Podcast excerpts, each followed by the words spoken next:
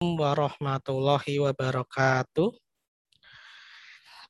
Ya, Alhamdulillahirabbil alamin. Kita masih diberi kesehatan dan keringanan untuk bisa hadir tatap muka secara online dan rutin setiap Kamis malam melalui kajian Pekanan Muhammadiyah Dayu. Ya, saya lihat di sini juga sudah ada uh, satu Zoom tapi kayaknya buat rombongan ya. Uh, terima kasih Pak Muhammad Furkon Jamil yang dengan rekan-rekannya mungkin ya di belakang itu sudah ramai sekali mungkin ya.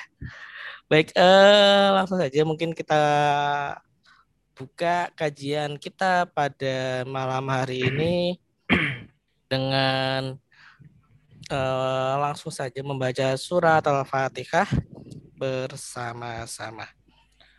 Baiklah kita mulai Al-Fatihah.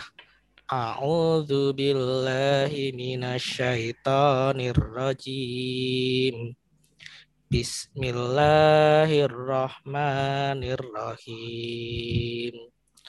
Alhamdulillahi rabbil alamin. Ar-Rahmanir-Rahim. Maliki yaumiddin iyyaka na'budu wa iyyaka nasta'in.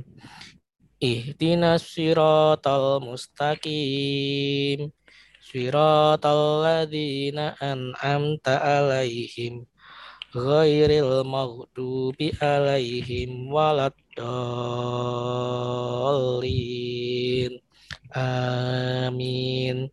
Sodaqallahul adzim. Uh, Ya, demikian tadi telah kita baca bersama-sama surat Al-Fatihah sebagai pembuka kajian kita pada malam hari ini. Ya, langsung saja saya akan menyapa pemateri kita pada malam hari ini, yaitu Ustadz Anang Fatur Rahman, dan tema yang akan disampaikan pada malam hari ini yaitu sunnah-sunnah yang dilakukan Nabi, kebiasaan Rasulullah nomor 16 sampai 20. Nah kemarin saya tidak dikasih tahu nih sama Ustaz nih. Kebiasaan nomor 16 sampai 20 itu apa coba? Nah mungkin bagi Bapak Ibu, rekan-rekan sekalian yang sekiranya di lapangan rezeki bisa langsung membeli bukunya sebagai rujukan. Jadi ketika kajian nanti bisa langsung bertanya kepada Ustadz Anang apa sih maksudnya Ustadz seperti itu nggih. Ya, eh saja Ustadz Anang pripun kabari? Pripun gimana kabarnya pada malam hari ini? Alhamdulillah sehat. Alhamdulillah sehat, Ustadz Bayu. Oke, uh, tanpa mengulur waktu lagi kepada Ustadz Anang, waktu dan tempat kami persilahkan untuk mengisi kajian pada malam hari ini. Monggo. Iya, matur nuwun Ustadz Bayu. Mohon kami dijadikan kohos. Oh iya ya. Oh, okay. Assalamualaikum warahmatullahi wabarakatuh. Waalaikumsalam warahmatullahi wabarakatuh. Alhamdulillahi wahdah wassalatu wassalamu ala man la nabiyya ba'dah wa ala alihi wa sahbihi wa mawalah wa la hawla wa la quwata illa billah subhanaka la ilma lana illa ma 'allamtana innaka anta العليم الحكيم. اللهم علمنا ما ينفعنا وانفعنا بما علمتنا وزدنا علما. اللهم ارزقنا فهم النبيين وحفظ المرسلين وإلهام الملائكة المقربين. اللهم علمنا ما ينفعنا وانفعنا بما علمتنا وزدنا علما. أمين. أما بعد. Ibu Bapak peserta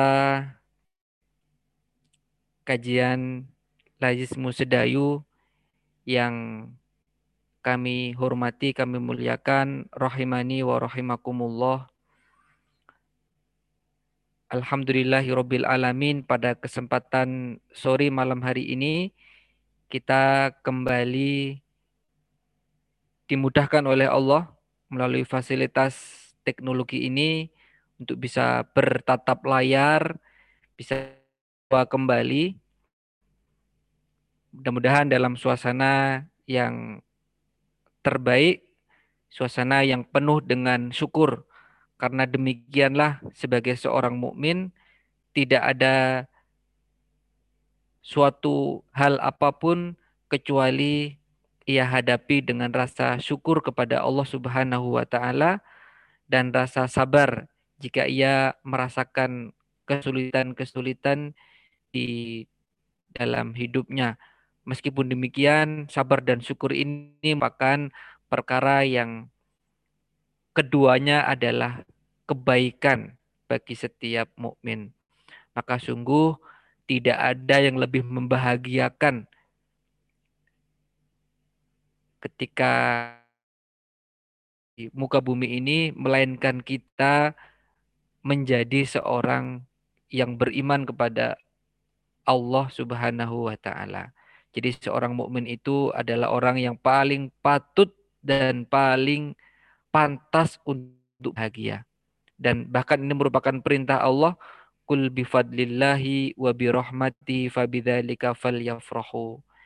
Ya, katakanlah wahai Muhammad kepada umatmu bahwa dengan keutamaan dari Allah dan dengan rahmatnya, maka kalian hendaknya berbahagia dengan adanya agama Islam ini, dengan adanya Al-Quran yang diturunkan, maka tidak ada alasan bagi kita untuk tidak menjadi orang yang paling bahagia.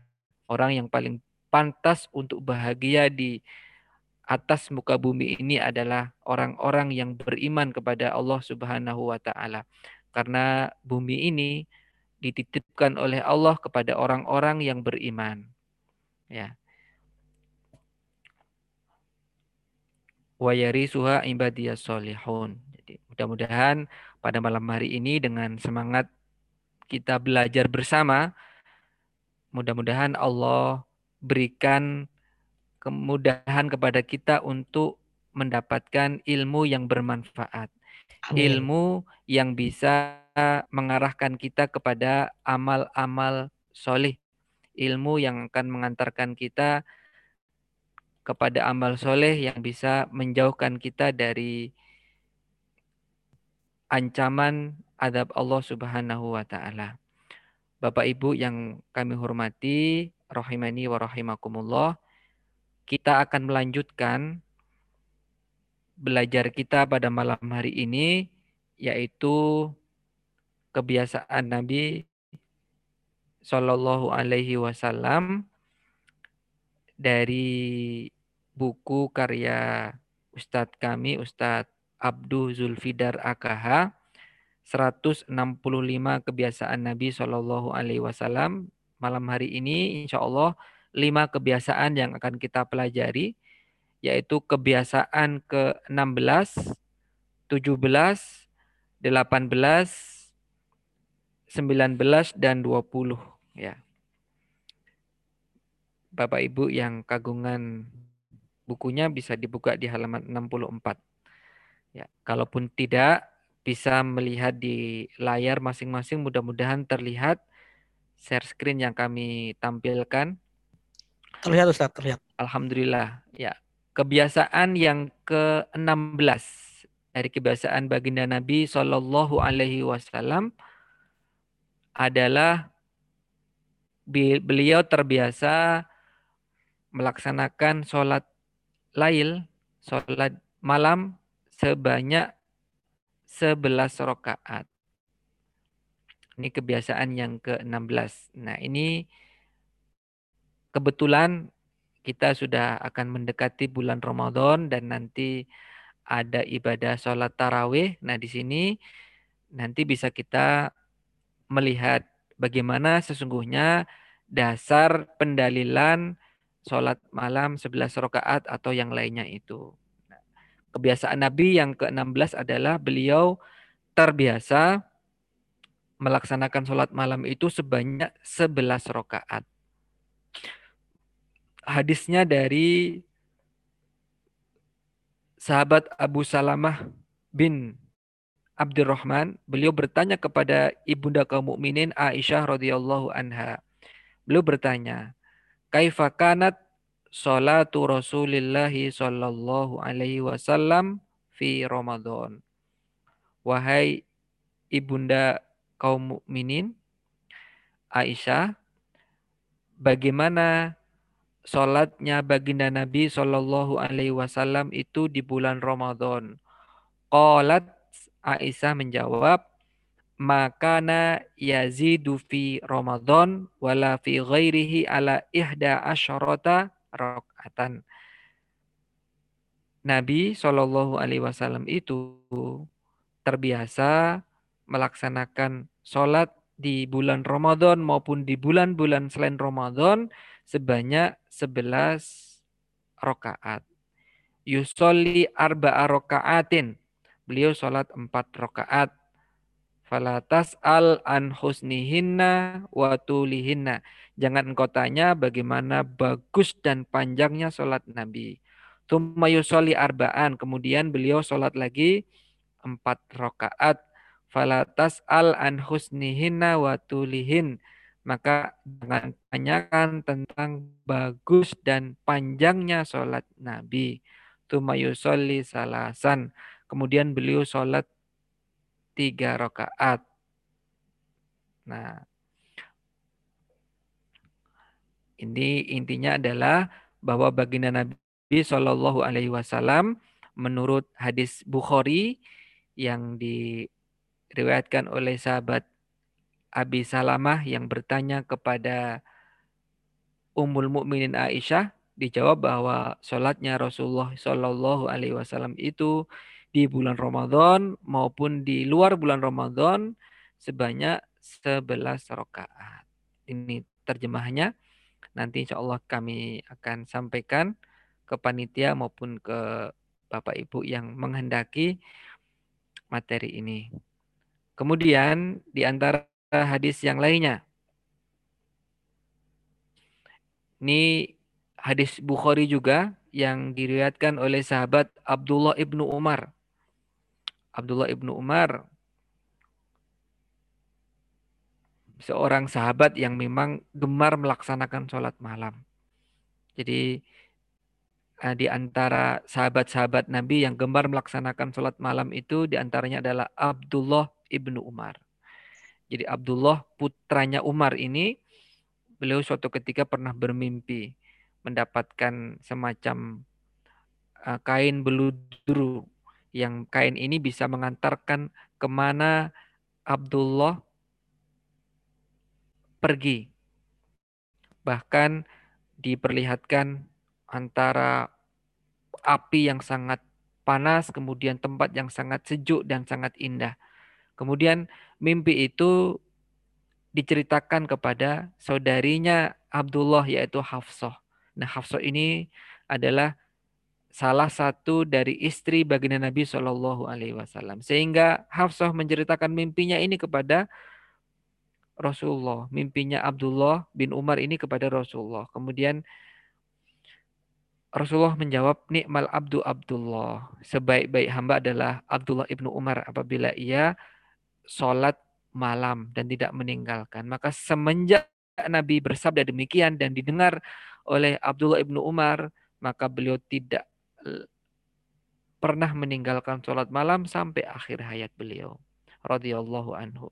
Nah ini hadis ini diriwayatkan dari Abdullah ibnu Umar, beli radhiyallahu anhuma tentang seseorang yang bertanya kepada Nabi, "Inna rojulan."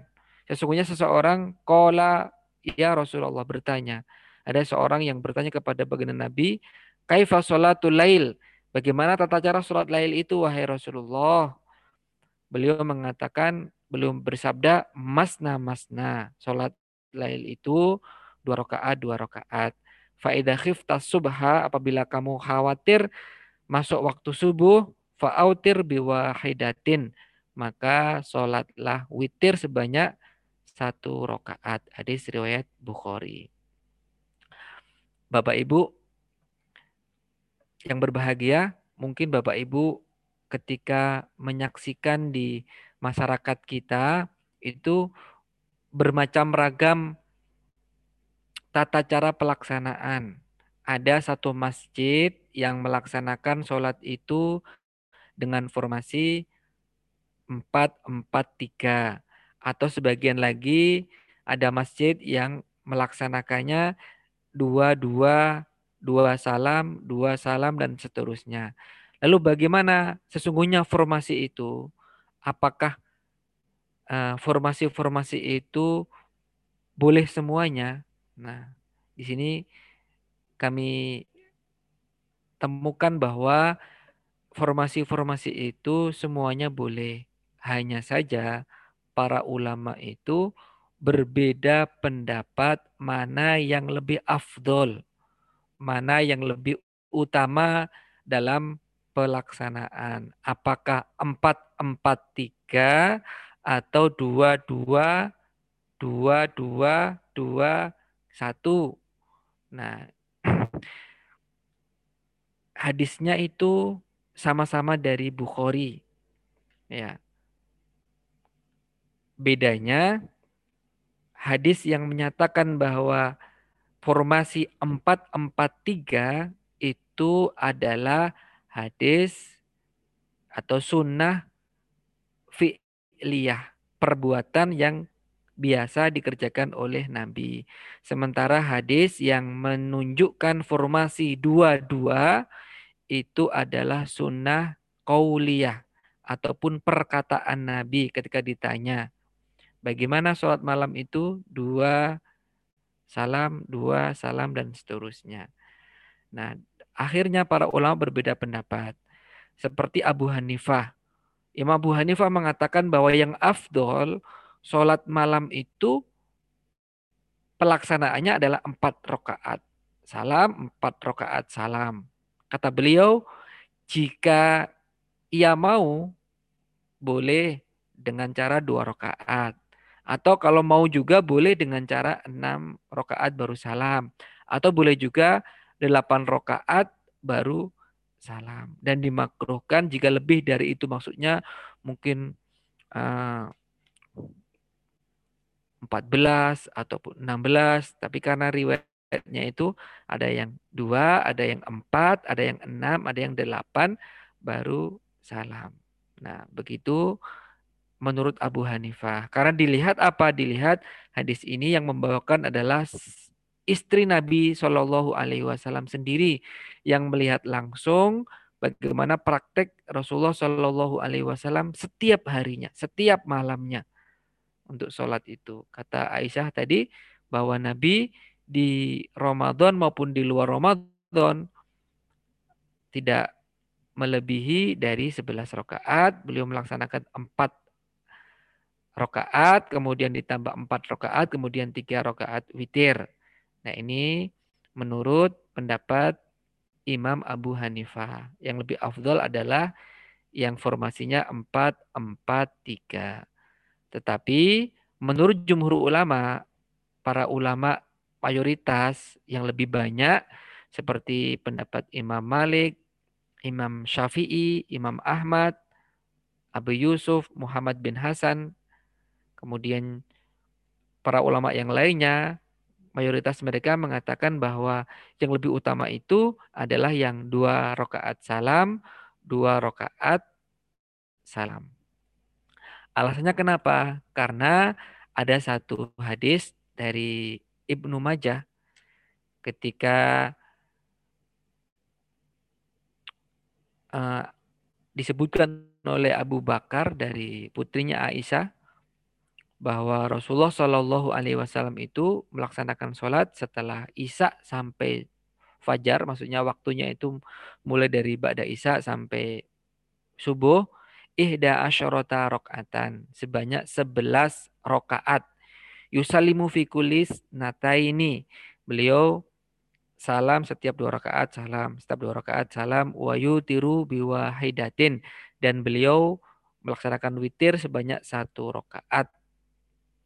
Oke, ini hadis sahih riwayat Ibnu Majah. Nah, ini menjadi dalil penguat bahwasanya uh, sebagian ulama atau bahkan kebanyakan ulama itu mengatakan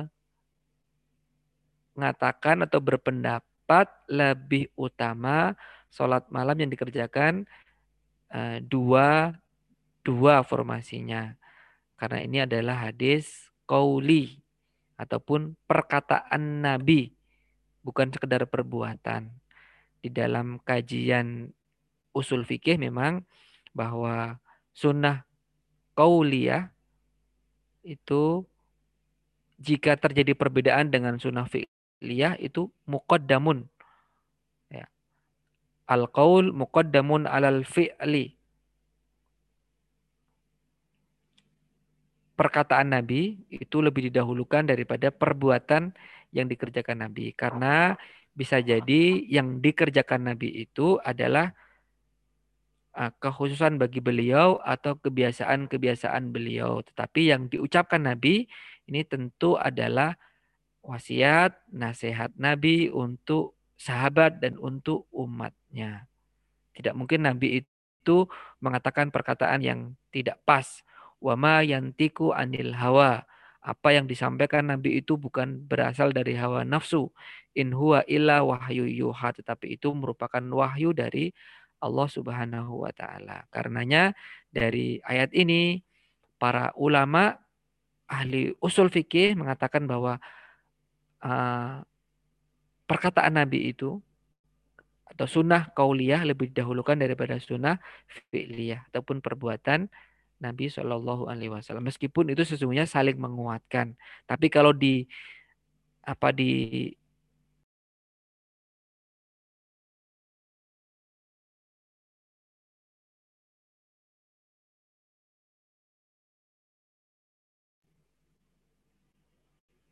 mohon maaf apa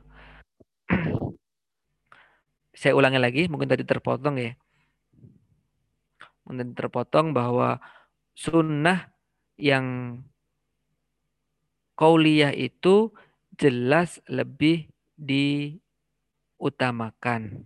Nah, karenanya uh, Pak Ulama mengatakan bahwa formasi dua dua dua dua dua plus satu ini yang lebih afdol. Tapi dua-duanya boleh dikerjakan. Dua-duanya ini hanya perbedaan ijtihad dalam memandang hadis tersebut. Sebagian mengatakan lebih utama yang 443, sebagian mengatakan lebih utama dua dua dua dua dua kemudian satu. Tapi ketika dalam bukunya sholat taraweh Prof. Samsul Anwar itu juga disebutkan bahwa Ah, justru ketika hadis ini ini adalah kekhususan di bulan Ramadan karena hanya hadis ini yang menunjukkan riwayat pertanyaannya adalah kaifa kanat salatu Rasulillah sallallahu alaihi wasallam fi Ramadan. Bagaimana salat Nabi sallallahu alaihi wasallam di bulan Ramadan. Nah, di bulan Ramadan itu kata Aisyah Sholatnya 11 rakaat, formasinya 4, 4, 3. Jadi ini pendapat-pendapat para ulama yang ketika memahami hadis-hadis di atas. Kemudian menurut beberapa keterangan ya seperti yang disampaikan oleh Dr. Muhammad Umar Basmul dalam Bughyatul Mutatawi. Beliau mengatakan demikian, dianjurkan bagi setiap muslim untuk melaksanakan sholat witir atau sholat tahajud. Jadi kalau di tuntunan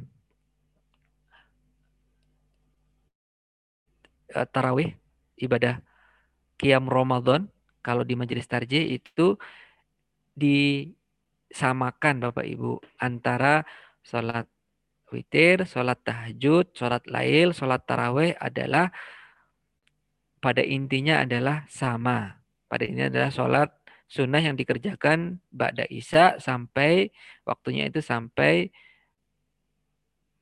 sebelum masuk waktu subuh. Nah, kemudian di sini dikatakan bahwa dianjurkan bagi setiap muslim untuk melaksanakan sholat witir, sholat tahajud sebanyak 11 rakaat. Ia bisa mengerjakan dengan dua cara. Mau milih yang pertama, dua rakaat salam, dua rakaat salam sebanyak 10 rakaat, lalu witir satu rakaat. Atau yang kedua adalah empat rakaat salam, empat rakaat salam, lalu witir tiga rakaat. Nah ini demikian yang disimpulkan oleh para ulama. Ini tentang formasinya. Lalu bagaimana tentang jumlah rokaatnya? Menurut Ibnu Hajar Al-Haisami, jadi ada Al-Haisami, ada Al-Asqalani. Kalau ini Al-Haisami, belum mengatakan bahwa tidak ada satu hadis sahih pun yang menjelaskan bahwa Nabi Shallallahu Alaihi Wasallam melaksanakan sholat tarawih sebanyak 20 rakaat. Nabi loh ya ini, Nabi tidak melaksanakan sebanyak 20 rakaat. Adapun riwayat yang menjelaskan bahwa Nabi melaksanakan sholat tarawih sebanyak 20 rakaat adalah hadis yang sangat-sangat lemah. Ini menurut penelitian dari Ibnu Hajar Al-Haisami, orang pakar hadis di masa lampau. Kemudian ada juga hadis yang menyebutkan demikian. Hadis yang menyebutkan bahwa dalam Bukhari Muslim Nabi Shallallahu Alaihi Wasallam menurut riwayat Ibnu Abbas sholat 13 rakaat pada malam hari. Lalu bagaimana para ulama melihat hadis ini? Yang benar itu 11 atau 13? Karena tadi dikatakan bahwa Nabi sholat 11 rakaat. Kok di sini dikatakan bahwa Nabi sholat 13 rakaat? Nih, sebagian ulama mengatakan bahwa jumlah rakaat sholat malam Nabi adalah 11 rakaat. Tetap seperti hadis yang sebutkan awal tadi. Adapun tambahan dua rakaat adalah sholat iftitah sebagai pembuka sholat malam beliau. Ini keterangan dari Ibnu Hajar Al-Asqalani dalam kitab beliau Fathul Bari dalam mencarah Sahih Bukhari. Nah ini ini kebiasaan Nabi Shallallahu Alaihi Wasallam yang ke-16. Beliau terbiasa melaksanakan sholat malam sebanyak 11 rakaat kebiasaan beliau dengan formasi 443 atau 22 22 2 kemudian ditutup satu rakaat witir. Demikian Bapak Ibu kebiasaan ke 16. Kemudian kita masuk pada kebiasaan yang ke-17 kebiasaan 17 dari kebiasaan baginda Nabi Shallallahu Alaihi Wasallam adalah memanjangkan sholat malamnya, memanjangkan sholat malamnya. Makanya tadi ketika ditanya tentang sholat malam Nabi, Aisyah menjawab beliau sholat empat rakaat, falatas al an husnihinna. Jangan kau tanya bagaimana bagus dan panjangnya sholat Nabi Shallallahu Alaihi Wasallam. Ini dari Abdullah ibnu Mas'ud sekarang Bapak Ibu. Abdullah ibnu Mas'ud ini seorang pakar Al-Quran. Bahkan Rasulullah Shallallahu Alaihi Wasallam sendiri yang memberikan rekomendasi kalau ingin membaca Al-Quran seperti ketika diturunkan, maka belajarlah kepada Abdullah ibnu Umi Abad. Abdullah ibnu Umi Abad ini adalah Abdullah bin Mas'ud. Nah, Abdullah bin Mas'ud itu meriwayatkan di sini karena beliau sendiri yang menceritakan kisah beliau ketika menjadi makmum Rasulullah Shallallahu Alaihi Wasallam dalam sholat malam beliau. Dari sahabat Abdullah bin Mas'ud radhiyallahu anhu, ya, beliau berkata bahwa itu ma'an Nabi Shallallahu Alaihi Wasallam lailatan. Pada suatu malam, saya pernah ikut sholat bersama Nabi Shallallahu Alaihi Wasallam. Falam yazal iman. Nabi Shallallahu Alaihi Wasallam terus berdiri. Kuat sekali Nabi berdiri. Hatta hamam tu bi amrisu. Sampai saya ini terbetik. Ini pasti pikiran negatif. Maksudnya terbetik pikiran, wah, oh, an udah wa adaron Nabi Shallallahu Alaihi Wasallam. Saking nggak kuatnya sholat panjang sholat Nabi saya itu rasa rasanya pengen duduk dan meninggalkan Nabi. Tapi ini hanya keinginan loh ya, hamam. Kita itu kan belum dianggap berdosa kalau punya keinginan yang buruk selama belum dikerjakan keinginan itu. Berbeda dengan niat kebaikan. Kita sudah dianggap melakukan kebaikan kalau kita sudah punya niat. Meskipun nggak jadi dikerjakan. Maka seorang mukmin itu banyak-banyaklah berniat untuk kebaikan. Punya himmah, keinginan, punya tekad untuk berbuat baik itu sudah mendapatkan satu kebaikan. Terhitung. Tapi kalau punya himbah keburukan belum dihitung kalau belum dilakukan. Nah ini Abdullah ibnu Mas'ud yang pakar Quran, yang hafal Quran dengan baik, yang memiliki keluasan ilmu, saja beliau merasa ingin segera duduk dan ingin meninggalkan sholatnya Nabi karena saking panjangnya sholat beliau. Di dalam keterangan yang lain, ini dari sahabat Hudzaifah ibnu Yaman radhiyallahu anhu. Sahibu siri Rasulullah Shallallahu alaihi wasallam, penjaga rahasia Nabi. Orang yang banyak banyak diceritakan rahasia orang-orang munafik di masa Nabi adalah Hudzaifah ini. Nah, beliau pernah sholat di belakang Rasulullah Shallallahu alaihi wasallam ini kalau kalau tadi adalah Abdullah ibnu Mas'ud yang bercerita. Nah, sekarang ini adalah Hudzaifah ibnu Yaman. Ini kesaksian beliau. Testimoni beliau setelah ikut sholat bersama Nabi, sholat malamnya adalah kata Hudzaifah, Nabi Shallallahu Alaihi Wasallam itu sholat membuka sholat malamnya dengan baca surat Al-Baqarah dari mulai alif lam mim dzalikal kitabul raiba fi. Ini dalam hati, ini Hudzaifah ini saking panjangnya sholat itu sampai mengatakan bahwa uh, mungkin Nabi akan ruku pada ayat yang ke-100. Ya sabar sabar, dikuat-kuatin. Namun ternyata beliau tetap melanjutkan sampai akhir Al-Baqarah. Sampai akhir Al-Baqarah baru selesai rakaat pertama. Dan beliau juga membaca surat An-Nisa pada rakaat berikutnya. Selesai tuntas. Maka ini menjadi penjelas ataupun gambaran tentang perkataan Ummul Mukminin Aisyah radhiyallahu anha tadi falatas al an husnihinna wa tulihin. Jangan kau tanya tentang panjang dan bagusnya tentang bagus dan panjangnya sholat Nabi Shallallahu Alaihi Wasallam. Sudah banyak testimoni dari para sahabat yang ikut langsung sholat malam Nabi begitu panjang. Maka tidak heran jika Nabi membiasakan 11 rakaat itu karena panjang sekali. Jadi panjang sekali. Sepanjangnya sholat Nabi Shallallahu Alaihi Wasallam. Ini kebiasaan yang ke-17 yaitu Rasulullah Shallallahu alaihi wasallam terbiasa melaksanakan sholat malam dengan panjang. Jadi kalau testimoni dari Aisyah itu sampai beliau bertanya, Rasulullah Shallallahu Alaihi Wasallam itu sampai sholat malam hatta tatafattor kodamahu sampai kaki beliau itu bengkak-bengkak. Saking lamanya beliau berdiri. Nah, Kenapa engkau mengerjakan demikian wahai Rasulullah? Kemudian Rasulullah menjawab, afala uhibbu an akuna abdan syakuro.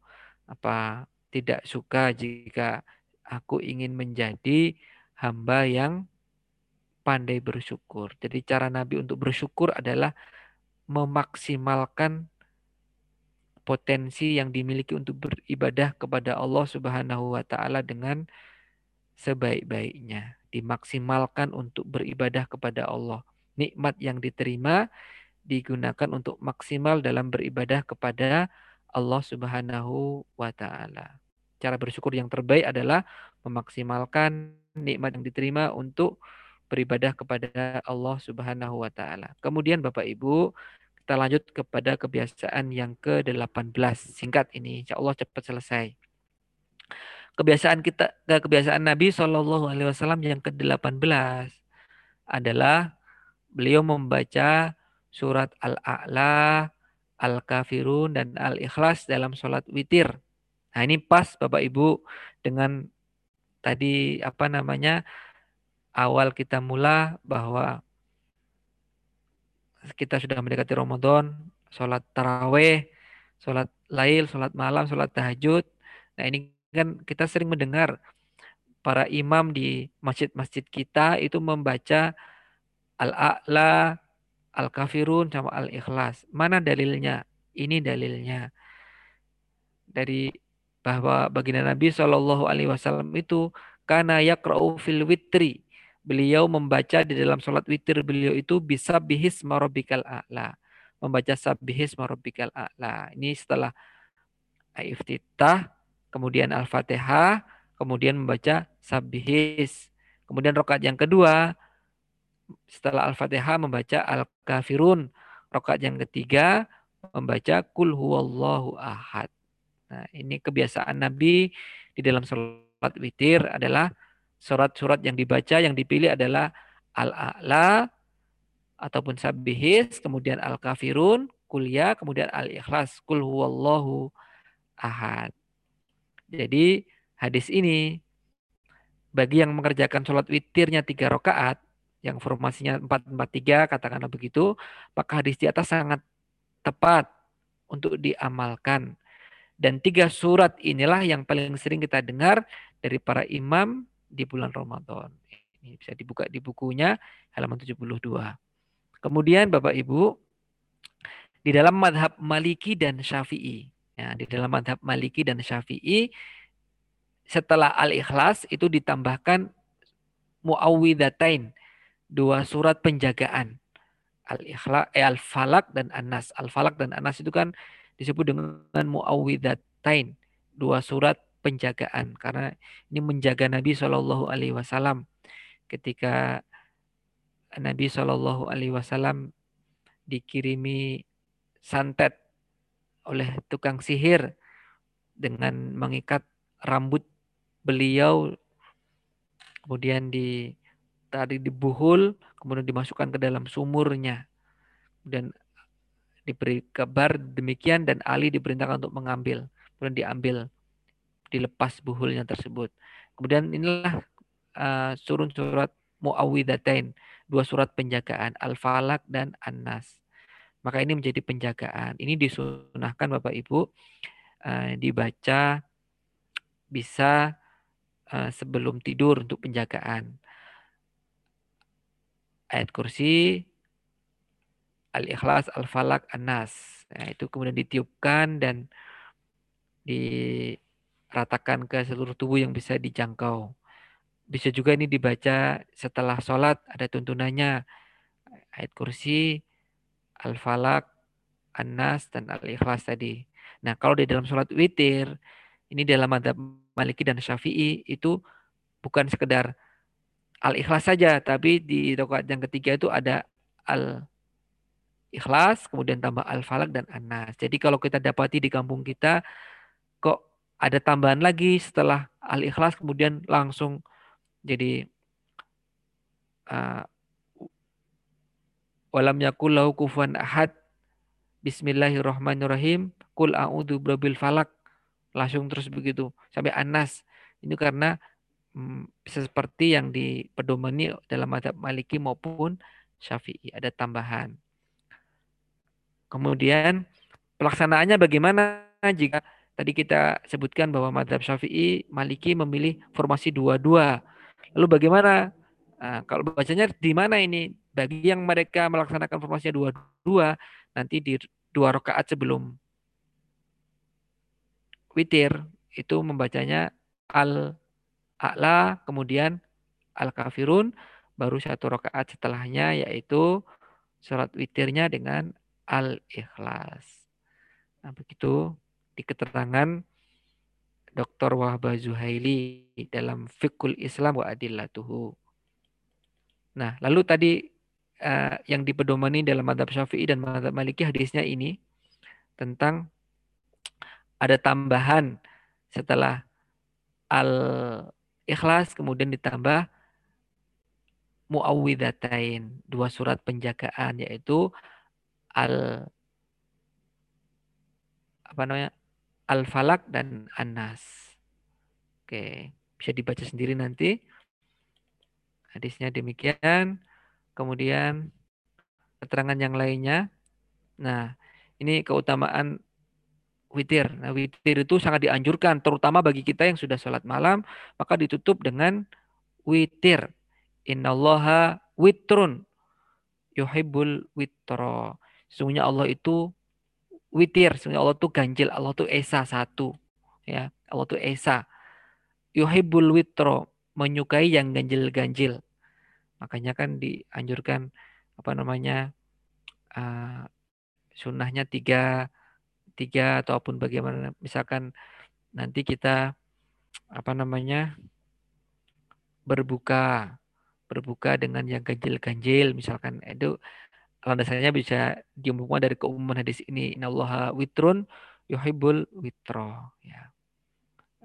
Tiga lima tujuh kurma yang di apa konsumsi misalkan ketika uh, pertama kali berbuka puasa kan Nabi Shallallahu Alaihi Wasallam itu uh, berbuka dengan membiasakan dengan kurma ya Rasulullah Shallallahu Alaihi Wasallam itu berbuka bi rutobatin dengan kurma-kurma yang basah, kurma rutop, kurma yang segar, kurma segar. Fa ilam takun rutobatun fatamarotun. Kalau nggak ada kurma yang segar, fatamarotun, ya tamrun, kurma-kurma kering.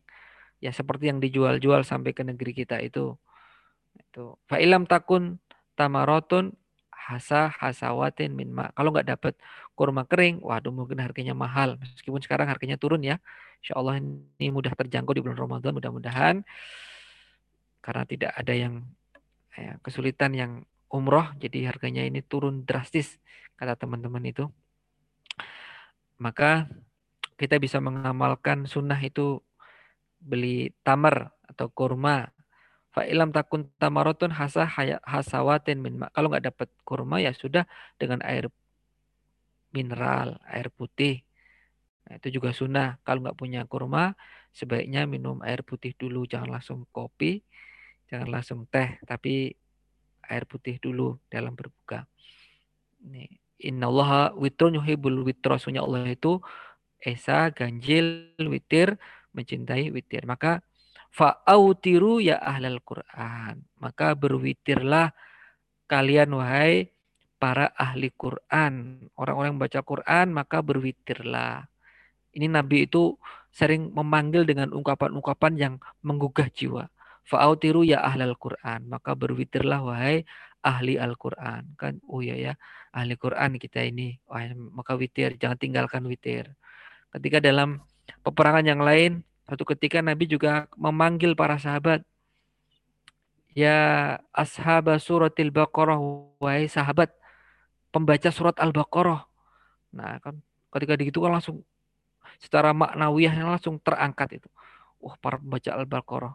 Maka kita juga bisa mengatakan seorang ya, Pak panjenengan itu ahli sujud loh Pak. Ingat ahli sujud. Kan sebagai mengingat, oh kita ini seorang muslim. Seorang yang sholat beribadah kepada Allah. Diingatkan ahli sujud itu kan lebih lebih apa maknawinya ini langsung terangkat. Nah, secara emosional itu dapat kita. Fa'autiru ya ahli Al-Quran maka witirlah wahai ahli Al-Quran. Orang-orang yang membaca Al-Quran. Nah, fa'autiru ya ahli Al-Quran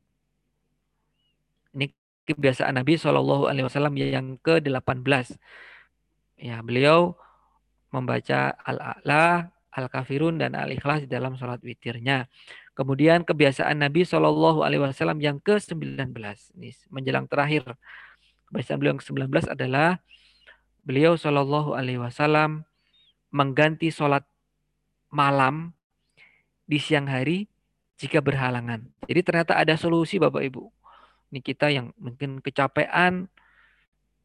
Kalau karena bekerja di siang hari sangat lelah atau berdagang ataupun ya para medis ataupun dokter dan lain sebagainya yang mungkin lelah sekali ataupun pekerjaan-pekerjaan yang lelah yang melelahkan lainnya kalau nggak sempat sholat malam itu Nabi memberikan satu solusi contohnya ini. Dari Aisyah radhiyallahu anha beliau mengatakan bahwa Nabi Shallallahu Alaihi Wasallam karena idha fatat usolah apabila Nabi Shallallahu Alaihi Wasallam ketinggalan sholat malam karena sakit atau yang lainnya min wajain au ghairihi karena sakit atau yang lainnya sholat minan nahari sintai asyrata rakaatan. Beliau sholat itu di siang hari. Nah, ini ternyata ada solusinya. Yang sudah terbiasa sholat malam, sudah menjadi kebiasaan, ternyata jika berhalangan di suatu malam atau terhambat karena udur-udur tertentu, maka bisa diganti ternyata di siang harinya. Kapan siang hari itu? Siang hari itu maksudnya adalah ya pokoknya ya setelah subuh sampai duhur. Itu di siang hari yang dikerjakan oleh Nabi Shallallahu Alaihi Wasallam.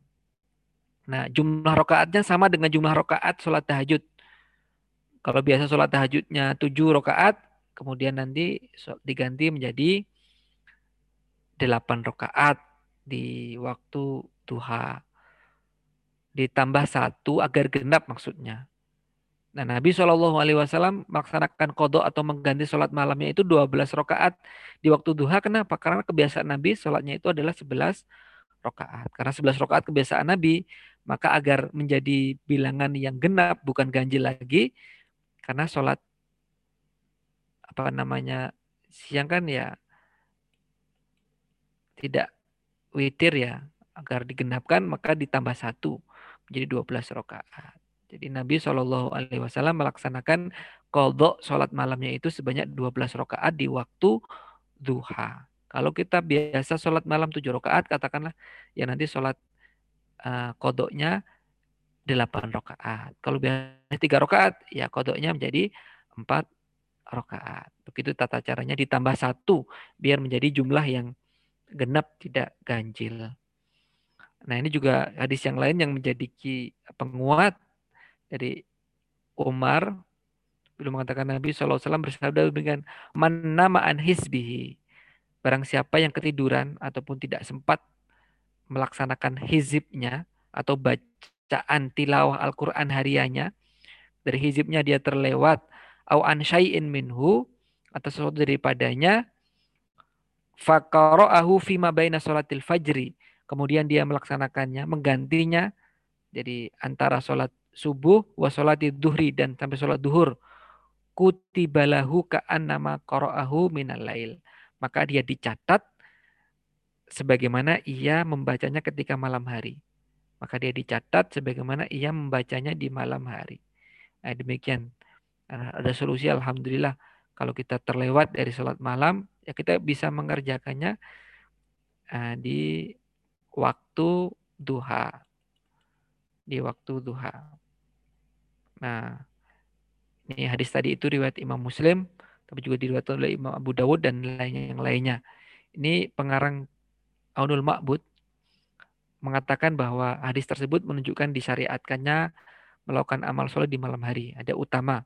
Kalau mengerjakan amal soleh di malam hari ini lebih lebih utama dari sisi memang lebih hening, secara konsentrasi lebih fokus, lebih terhindar dari pandangan manusia, lebih keikhlasan lebih terjaga uh, Qiyamul ini juga asyaduat an lebih menguatkan pijakan maka disyariatkan di malam hari dan menunjukkan disyariatkannya mengganti amalan jika tidak sempat melaksanakannya karena ketiduran atau utur yang lainnya.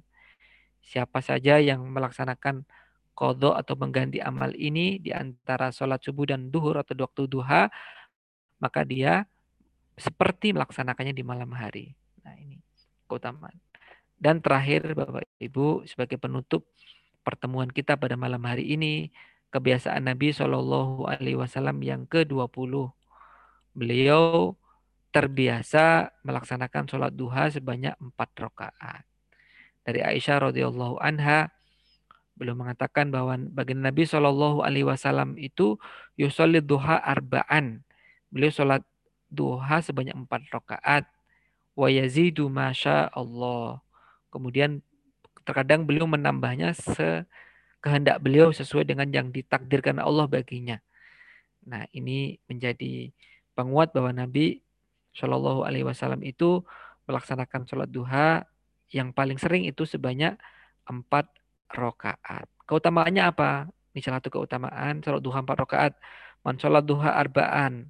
Barang siapa yang melaksanakan sholat duha sebanyak empat rakaat qoblal wa qoblal ula arba'an dan juga melaksanakan sholat sebelum sholat ula ataupun sholat duhur sebanyak empat rakaat banallahu lahu baitan fil jannah. Allah akan membangunkan rumah di surga. Nah kita pesan tiket rumah di surga itu demikian. Ini jadi ada salah satu penjelas begini Bapak Ibu. Kenapa kok uh, pahala itu tidak langsung diberikan nyata di dunia ini dalam wujud yang terlihat begitu ya karena dunia ini terlalu sempit untuk menampung pahala yang diberikan Allah kepada orang yang beriman. Kita sholat duha empat rakaat, kemudian qobliyah duhur empat rakaat, itu Allah membangunkan rumah di surga. Ini kalau satu hari. Kalau setiap hari, berapa banyak rumah yang dimiliki. Nah ini betapa besarnya pahala yang dijanjikan Allah kepada orang-orang muslim yang melaksanakan ketaatan-ketaatan kepada Allah Subhanahu wa taala. Ini dalam hadis Tobroni fil Ausat ini dinyatakan Hasan.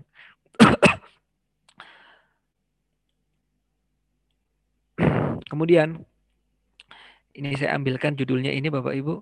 Ini dari uh, Tabwib dalam kitab Sahih Muslim.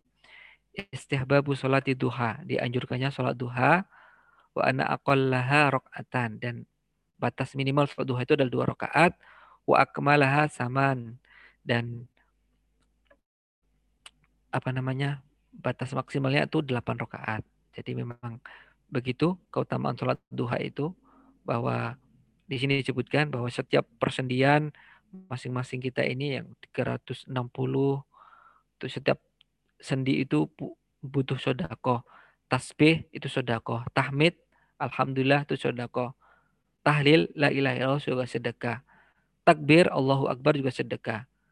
Amar ma'ruf nahi mungkar itu sedekah wa kullu dzalika semua itu wa yujzi'u min dzalika ruk'atani yarka'uhuma minad duha.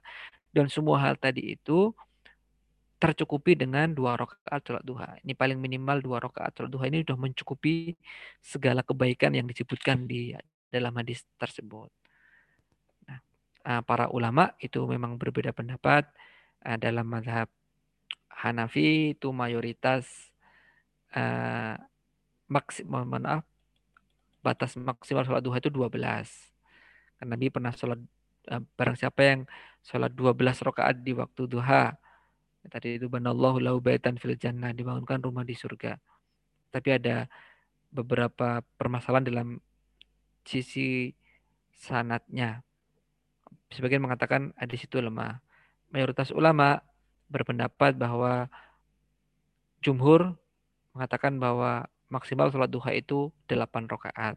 Karena Nabi dalam hadis sahih uh, melaksanakan sholat sebanyak 8 rakaat di rumahnya dalam peristiwa Fathu Makkah itu. Nah, tapi para ahli ilmu sebagian merojikan sesungguhnya tidak ada batasan karena penyebutan 8 rakaat itu adalah yang dikerjakan Nabi dan tidak ada keterangan tentang pembatasan jumlah wa yazidu. Beliau bisa menambah sesuai dengan yang dikehendaki beliau. Bapak Ibu yang kami hormati rahimani wa rahimakumullah, demikian saja yang bisa kami bacakan dari buku Ustadz Abdu. Mudah-mudahan sedikit ini bisa menjadi bekal bagi amal kita, terutama kita akan mendekati bulan Ramadan. Mudah-mudahan semakin bisa memantapkan amal kita. Bapak Ibu, ini sekali lagi bukan berarti membanding-bandingkan dengan yang lainnya. Ini sekedar untuk memperkuat, memperkuat apa dalil atau menunjukkan bahwasanya hal-hal yang kita kerjakan di bulan Ramadan itu sesungguhnya sudah ada dalilnya. Ini untuk memantapkan amaliyah kita. Tidak usah membandingkan dengan yang lain. Yang lainnya dengan formasi yang berbeda pun juga itu merupakan hak masing-masing dan kita khusnudon sudah memiliki istihadnya masing-masing. Saling menghormati saja tidak untuk memperuncing perbedaan, tapi untuk memperkuat kita ke dalam dalam artian semakin mantap jika kita sudah mengetahui dalilnya dan melihat bagaimana cara pendalilannya. Wallahu alam bisawab wa sallallahu ala nabiyina Muhammad. Nasrun minallahi wa fathun qarib wa basyiril mu'minin.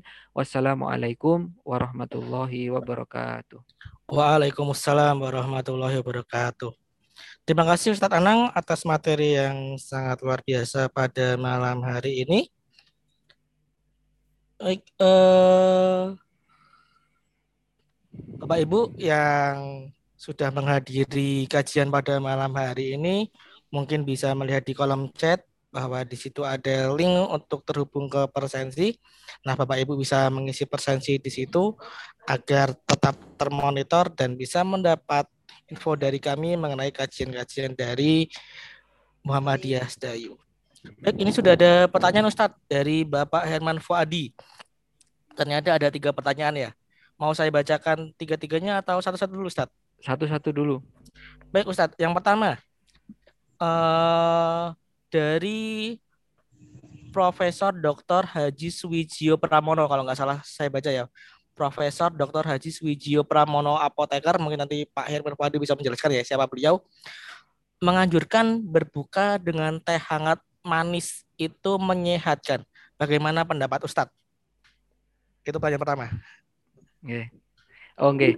Tentang ini nggih. Tentang kebiasaan. berbuka. Ya, kebiasaan kita semua kan di Indonesia ya. Kalau buka puasa itu pasti teh panas manis umum itu. Nah, itu gimana Ustadz? Oke. Nek belum nas kitel belum mantep nggih. Mungkin biasa ya. Oke. Ini juga uh, berbuka dengan yang manis itu perlu dikaji ulang. Nih, manisnya manis apa? Uh, glukosa atau sukrosa? Ini yang apoteker yang paling berhak untuk menjelaskan ini. Gulanya ini gula gula alami atau gula-gula pemanis buatan, tapi bukan manisnya itu. Tapi Nabi SAW itu berbuka dengan kurma. Jadi yang paling bagus itu buka dengan kurma karena uh, manisnya kurma itu berbeda dengan manisnya gula pasir. Nah, yang paling bagus itu berbuka dengan dengan kurma. Karena dia paling banyak kandungan vitaminnya dibanding dengan buah-buah yang lainnya. Itu disebutkan dalam Al-Qur'an kan, yang paling terbaik untuk pers, apa lambung kita yang masih kosong, kemudian masuk makanan yang terbaik pertama yang lembut, bisa di, mudah dicerna dan mudah diserap oleh tubuh. Nah, kebetulan kurma itu manis. Jadi orang menyimpulkan berbuka dengan yang manis-manis. Nah, ternyata itu iklan teh botol apa begitu kan? Ya. Ternyata itu iklan itu. Berbukalah dengan yang ya. manis. Ya, berbukalah bersama ya. bersama yang, yang manis. Ya. Itu beda Ustaz. Ya, dengan istri di rumah masing-masing. Kemudian apa namanya yang paling baik yaitu dengan kurma. Kalau nggak ada kurma ya dengan dengan air putih. Mungkin saya bisa menyimpulkan lebih baik mungkin dengan air putih hangat. Nah, mungkin air putih hangat mungkin lebih tepat bagi mereka mohon maaf yang diuji dengan sakit uh, diabetes misalkan kan kalau dengan yang manis itu ataupun teh manis itu kan juga mungkin perlu dikaji ulang. Maka paling baik itu kurma karena gulanya gula yang sehat. Kemudian juga kalau nggak ada ya dengan air putih hangat lah. Allah alam bisawab. Kita kembalikan ke hadisnya saja lebih utama. Oke, yang pertama. Ya, jadi pada intinya uh, teh hangat manis itu masalah kebudayaan ya Ustadz ya, bukan uh, anjuran ya berarti ya. Oke. Ya, uh, untuk Pak Syahrir yang udah angkat tangan ditahan dulu pertanyaannya. Saya lanjut ke pertanyaan kedua nih. Berarti kodok sholat malam tanpa tanpa witir ya Ustadz karena berakhir genap. Ustadz? Betul, betul Ustadz. Jadi karena emang kodoknya itu tidak pakai witir seperti yang praktek yang dikerjakan Nabi itu ditambah satu biar genap ya baik pertanyaan ketiga yang terakhir dari Bapak Herman Fuadi sholat tarawih itu adalah sholat tahajud di bulan Ramadan. Tapi banyak ustadz juga menyampaikan walaupun sudah sholat tarawih, jangan tinggalkan sholat tahajud karena keduanya adalah dua sholat yang berbeda. Ini bagaimana ustadz? Oke, ya ini memang uh, perbedaan pendapat di kalangan para ahli ilmu, para ulama tentang penamaan itu. Ini kalau kita ini kan kajian ini ya kajian Muhammadiyah Sedayu kan. Jadi kita sampaikan saja apa adanya kalau di majelis tarjih itu sama sholat taraweh, sholat tahajud, sholat malam, sholat lail itu uh, intinya sama. Sholat sunnah yang dikerjakan antara Ba'da Isya sampai dengan dengan subuh. Nah, bisa dikerjakan di awal waktu, bisa dikerjakan di tengah-tengah maupun di akhir waktu. Nah, kemudian di situ yang menjadi permasalahannya itu adalah uh, apakah 11 rakaat itu pembatasan. Nih, sebagian ulama ada yang mengatakan itu dibatasi 11. Kenapa? Karena Nabi itu yang dikerjakan di Ramadan maupun di Ramadan itu 11. Jadi ada yang memahami itu pembatasan. Wong Nabi bisa mengerjakan lebih, tapi kenapa Nabi tetap mengerjakan itu 11 terus?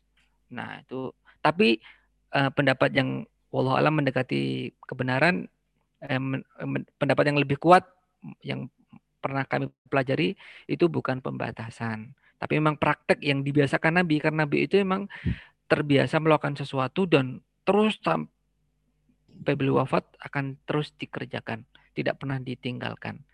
Nah, kalau satu amal yang beliau kerjakan itu akan terus dibiasakan dan tidak ditinggalkan. Nah, jadi begitu. Jadi ada yang membedakan karena kalau terawih itu kan Eh, di bulan Ramadan dan itu biasanya di awal waktu maksudnya di awal waktu setelah Isya begitu langsung.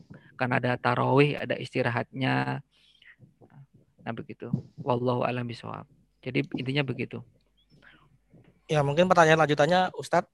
Eh, jika sudah sholat tarawih apakah masih boleh sholat tahajud Ustadz? Ataukah eh, itu dianggap sama? Oke, kalau yang sudah sholat tarawih bagi yang sudah cukup ya nggak apa-apa, cukup. Kalau pengen sholat lagi nggak apa-apa, karena memang isinya tidak ada pembatasan tertentu, tidak ada oh. pembatasan. Ya boleh-boleh saja, tapi tidak usah witir lagi. Kalau tadi sudah witir, misalkan sholat uh, taraweh di masjid sampai witir, nanti pengen, malam pengen lagi, oh karena terbiasa bangun, bangun lagi ya silakan sholat lagi, tapi tidak perlu menggunakan witir karena la witroni fi tidak ada dua witir dalam satu malam. Ya, ya karena biasanya kalau uh, terawih dan tahajud itu kan kita melihat budaya juga ya Ustadz ya. Di 10 iya. hari terakhir biasanya kan banyak yang itikaf. Nah itu sekalian sholat tahajud atau sholat malam. Nah, berarti masih nggak apa-apa ya Ustadz ya? Iya nggak apa-apa. Iya. Baik uh, Pak Syahrir. Nah monggo jika ingin bertanya secara langsung bisa dinyalakan mikrofonnya. Ya. Monggo Pak. Oke, terima kasih Ustadz.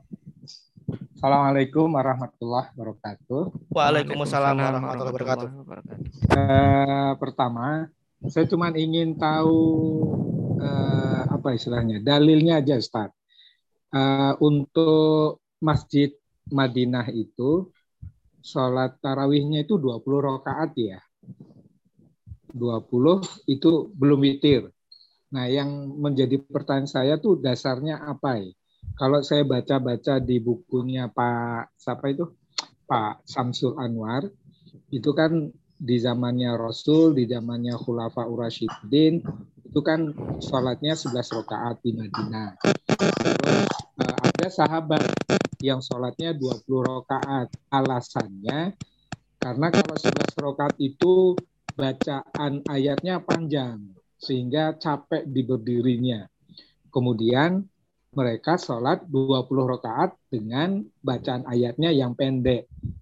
Nah, jadi mengurangi rasa kebosanan. Nah, itu itu alasan 20 rakaat. Nah, pertanyaan saya kalau se, apa semacam di di Mas di Madinah atau mungkin di Mekah sholat tarawihnya 20 atau 20 rakaat itu dasarnya apa? kan di situ kan banyak berkumpul para ulama. Kita belajar juga ke tempat mereka, tapi kok mereka mengamalkan seperti itu. Nah, ini pertanyaan saya itu kenapa apa yang menjadi dasar kuat eh, kenapa kok sholat tarawihnya 20 rakaat satu. Pertanyaan yang kedua tentang sholat duha Ustaz Anang. Sholat duha itu eh, boleh nggak dikerjakan umpamanya di pagi jam 7 kita mau berangkat sekolah kita sholat duha dua rakaat. Terus sampai di sekolah jam sepuluhan, ah kepingin sholat duha lagi. terus umpamanya pulang di rumah kok belum duhur, ah kepingin sholat duha lagi. Nah, jadi sholat duhanya itu tidak disambung, putus-putus. Seperti itu boleh tidak?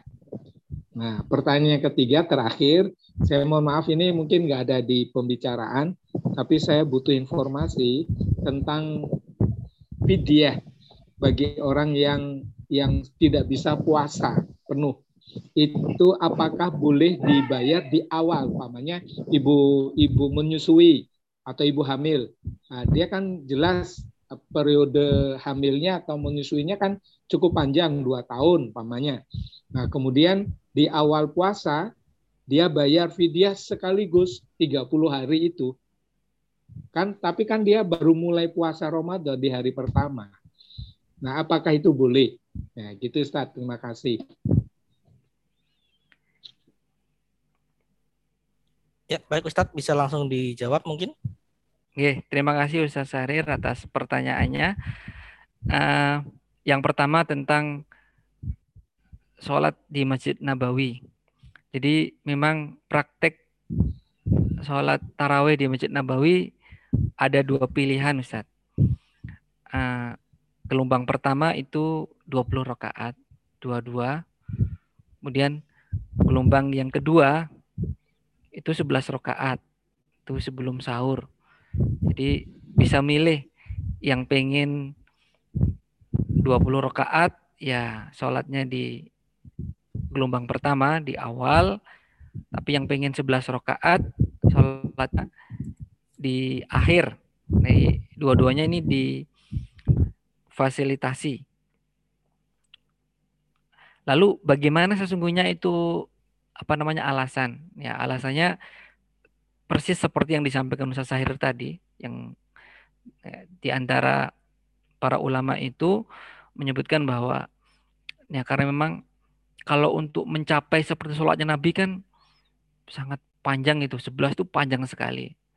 Maka untuk menghindari kebosanan dan lebih banyak sujudnya, lebih banyak solawatnya, lebih banyak sujudnya. Jadi kan ada apa namanya ketika ada seorang yang ingin menemani Nabi, ya Robiah itu kan ditanyai oleh Nabi, kamu pengen hadiah apa?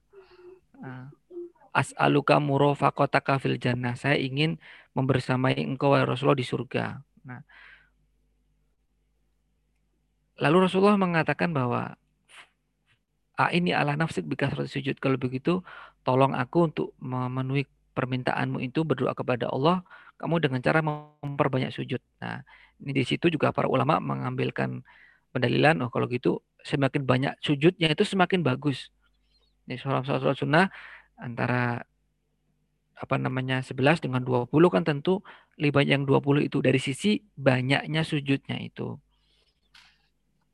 Nah, maka di situ terus apa namanya itu dipakai. Tapi juga ada saat yang 11 tapi di di akhir malam. Nah, itu di akhir malam. Jadi pendalilannya hanya sisi itu. Kalau dari sisi uh, apa namanya? Kalau dari sisi kualitas kekuatan hadis memang lebih jelas yang lebih kuat itu kebiasaan Nabi itu 11 rakaat. Tapi sekali lagi dipahami itu bukan sebagai batasan. Kalau kita ingin meneladani Nabi dan Nabi itu sebelas itu juga juga satu keutamaan dari si meneladani Nabi Shallallahu Alaihi Wasallam itu. Kemudian yang kedua tentang uh, sholat duha, nggih. Sholat duha itu bagaimana? Boleh nggak dikerjakan secara mercu? Ya, boleh Ustaz selagi masih masuk di waktunya. Tahu crispy apa? Yo. Selagi masih melaksanakan di waktunya itu masih boleh. Jadi tidak ada keharusan sholat duha itu harus berturut-turut. Ya, misalkan uh, sholat suruk kan sudah masuk waktu duha, itu bahkan sebagian mengatakan itu sholat duha yang diawalkan udah sholat suruk misalkan sholat isyrok nanti eh, pengen sholat lagi nah, maka nggak apa-apa selagi masih di waktu duha sampai kurang lebih setengah jam sebelum duhur. Setengah jam sebelum duhur. Dia mengatakan seperempat sebelum duhur tapi saya lebih condong setengah jam sebelum duhur untuk kehati-hatian. Setengah jam sebelum duhur sudah habis waktu duhanya itu. Jadi tidak ada keharusan harus apa namanya harus berturut-turut. Nah boleh sekarang dua, nanti dua atau ditambah lagi. Sama seperti sholat tarawih kan juga demikian. Tidak ada keharusan langsung selesai di awal atau harus berturut-turut kan bahkan tarawih itu kan diselingi dengan dengan istirahat. Kalau dari sisi sejarahnya, nah, istirahat dulu. Maka diselingi dengan apa pun pun boleh. Maka sholat tarawih biasanya diselingi dengan kultum, dengan apa pun juga tidak mengapa.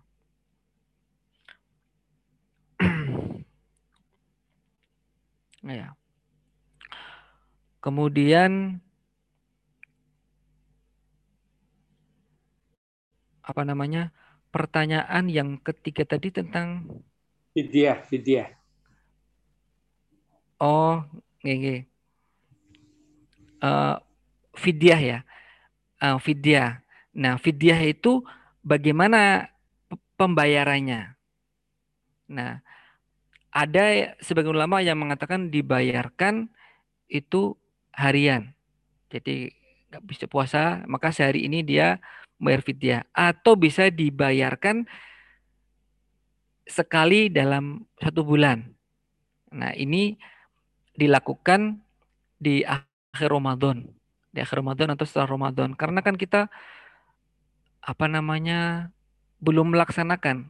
Jadi jangan dibayarkan di awal. Set sebaiknya dibayarkan di akhir karena memang kita belum melaksanakan eh karena sudah melaksanakan sudah masuk Ramadan dan kita nggak mampu nah baru itu bukan dengan cara di diajukan dari sisi logika ini belum belum tercapai saja kok sudah membayarkan fidyah itu. Jadi fidyah itu kan bagi yang tidak mampu dan kita sudah menemui betul, menemui betul.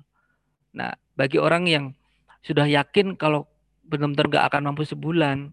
Nah, itu kita juga tidak bisa memastikan karena memang kita juga nggak tahu umur manusia sampai kapan. Maka lebih baik seperti para ulama menyebutkan yang lebih utama dibayarkan di akhir Ramadan.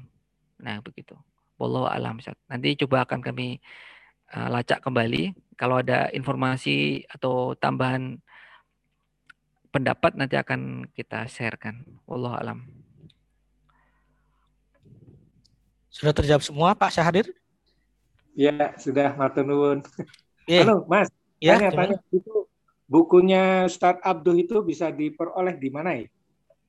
Yang di anu dibahas Ustadz Anang. Ya, Ustadz Anang gimana?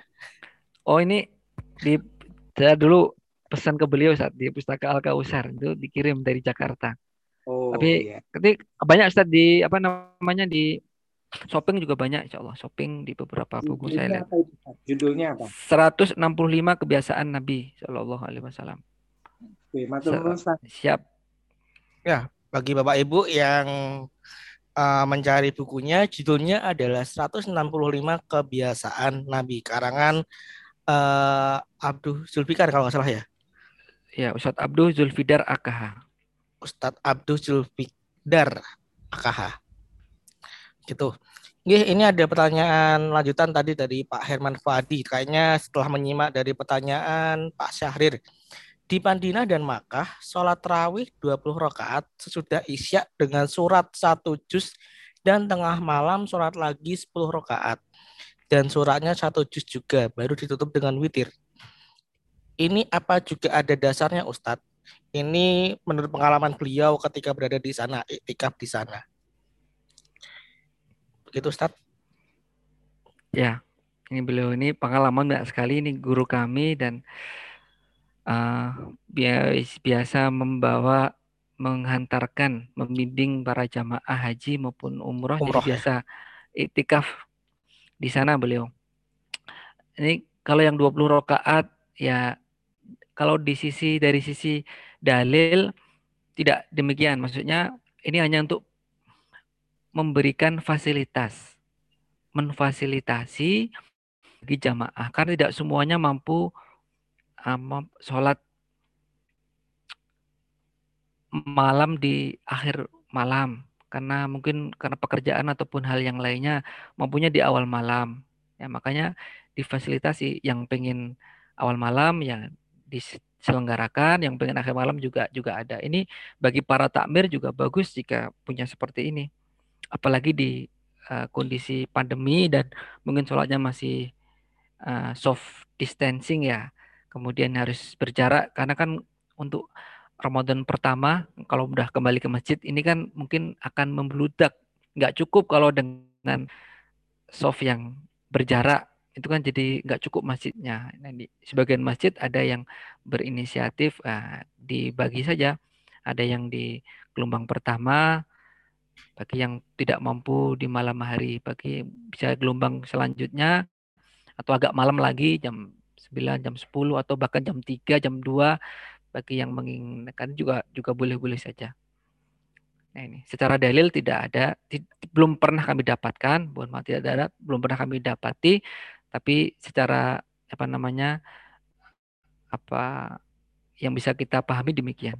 Itu hanya fasilitas yang diselenggarakan untuk memberikan kemudahan bagi seluruh jamaah dengan berbagai macam latar belakang dan berbagai macam kesibukan. Allah alam.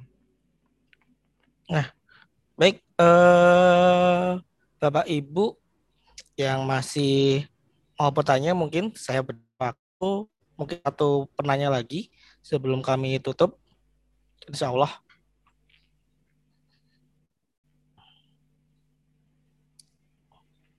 Bisa melalui kolom chat atau bisa langsung uh, mengklik tombol raise hand pada fitur yang tersedia di Zoom.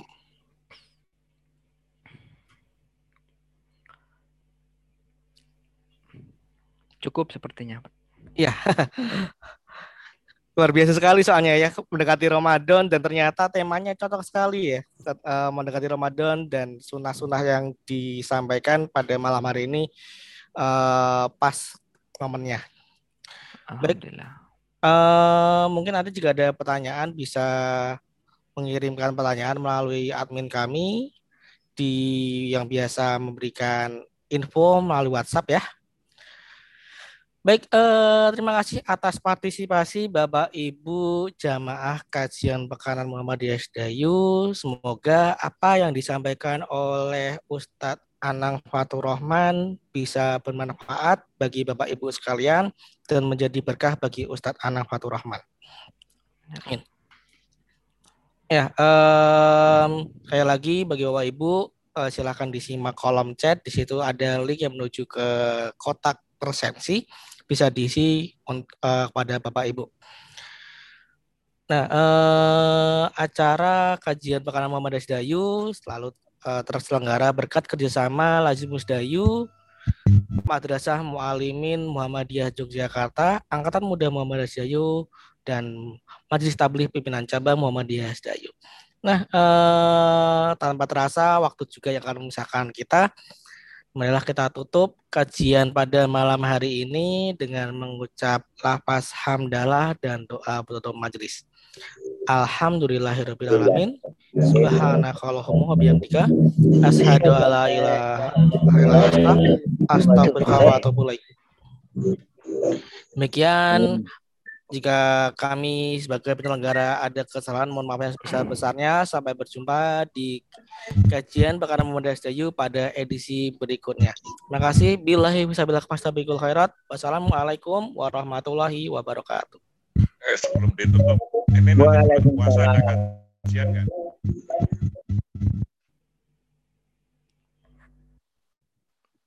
Ustadz Bayu, tadi ada yang eh? bertanya Ustadz Bayu. Ini selama puasa kajiannya bagaimana? Oh iya, kami belum sempat rapat ya Ustadz. Okay.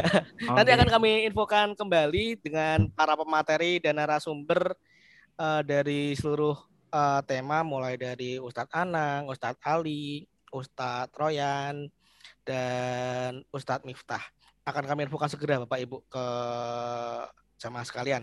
Insya Allah jika tetap hari Kamis mungkin akan kami geser ke jam sebelum berbuka atau bergeser ke kajian Ahad pagi. Begitu. Eh, tunggu saja info dari kami ya. Terima kasih atas uh, atensinya dan menanyakan kepada kami. Ya, gitu. Ya, matur nuwun. Sami-sami Ustaz yeah. dan jamaah.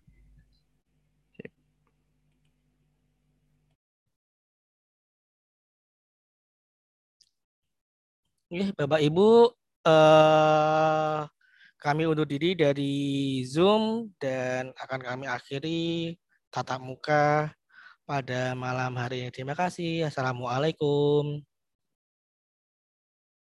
Waalaikumsalam Ustaz. Siap.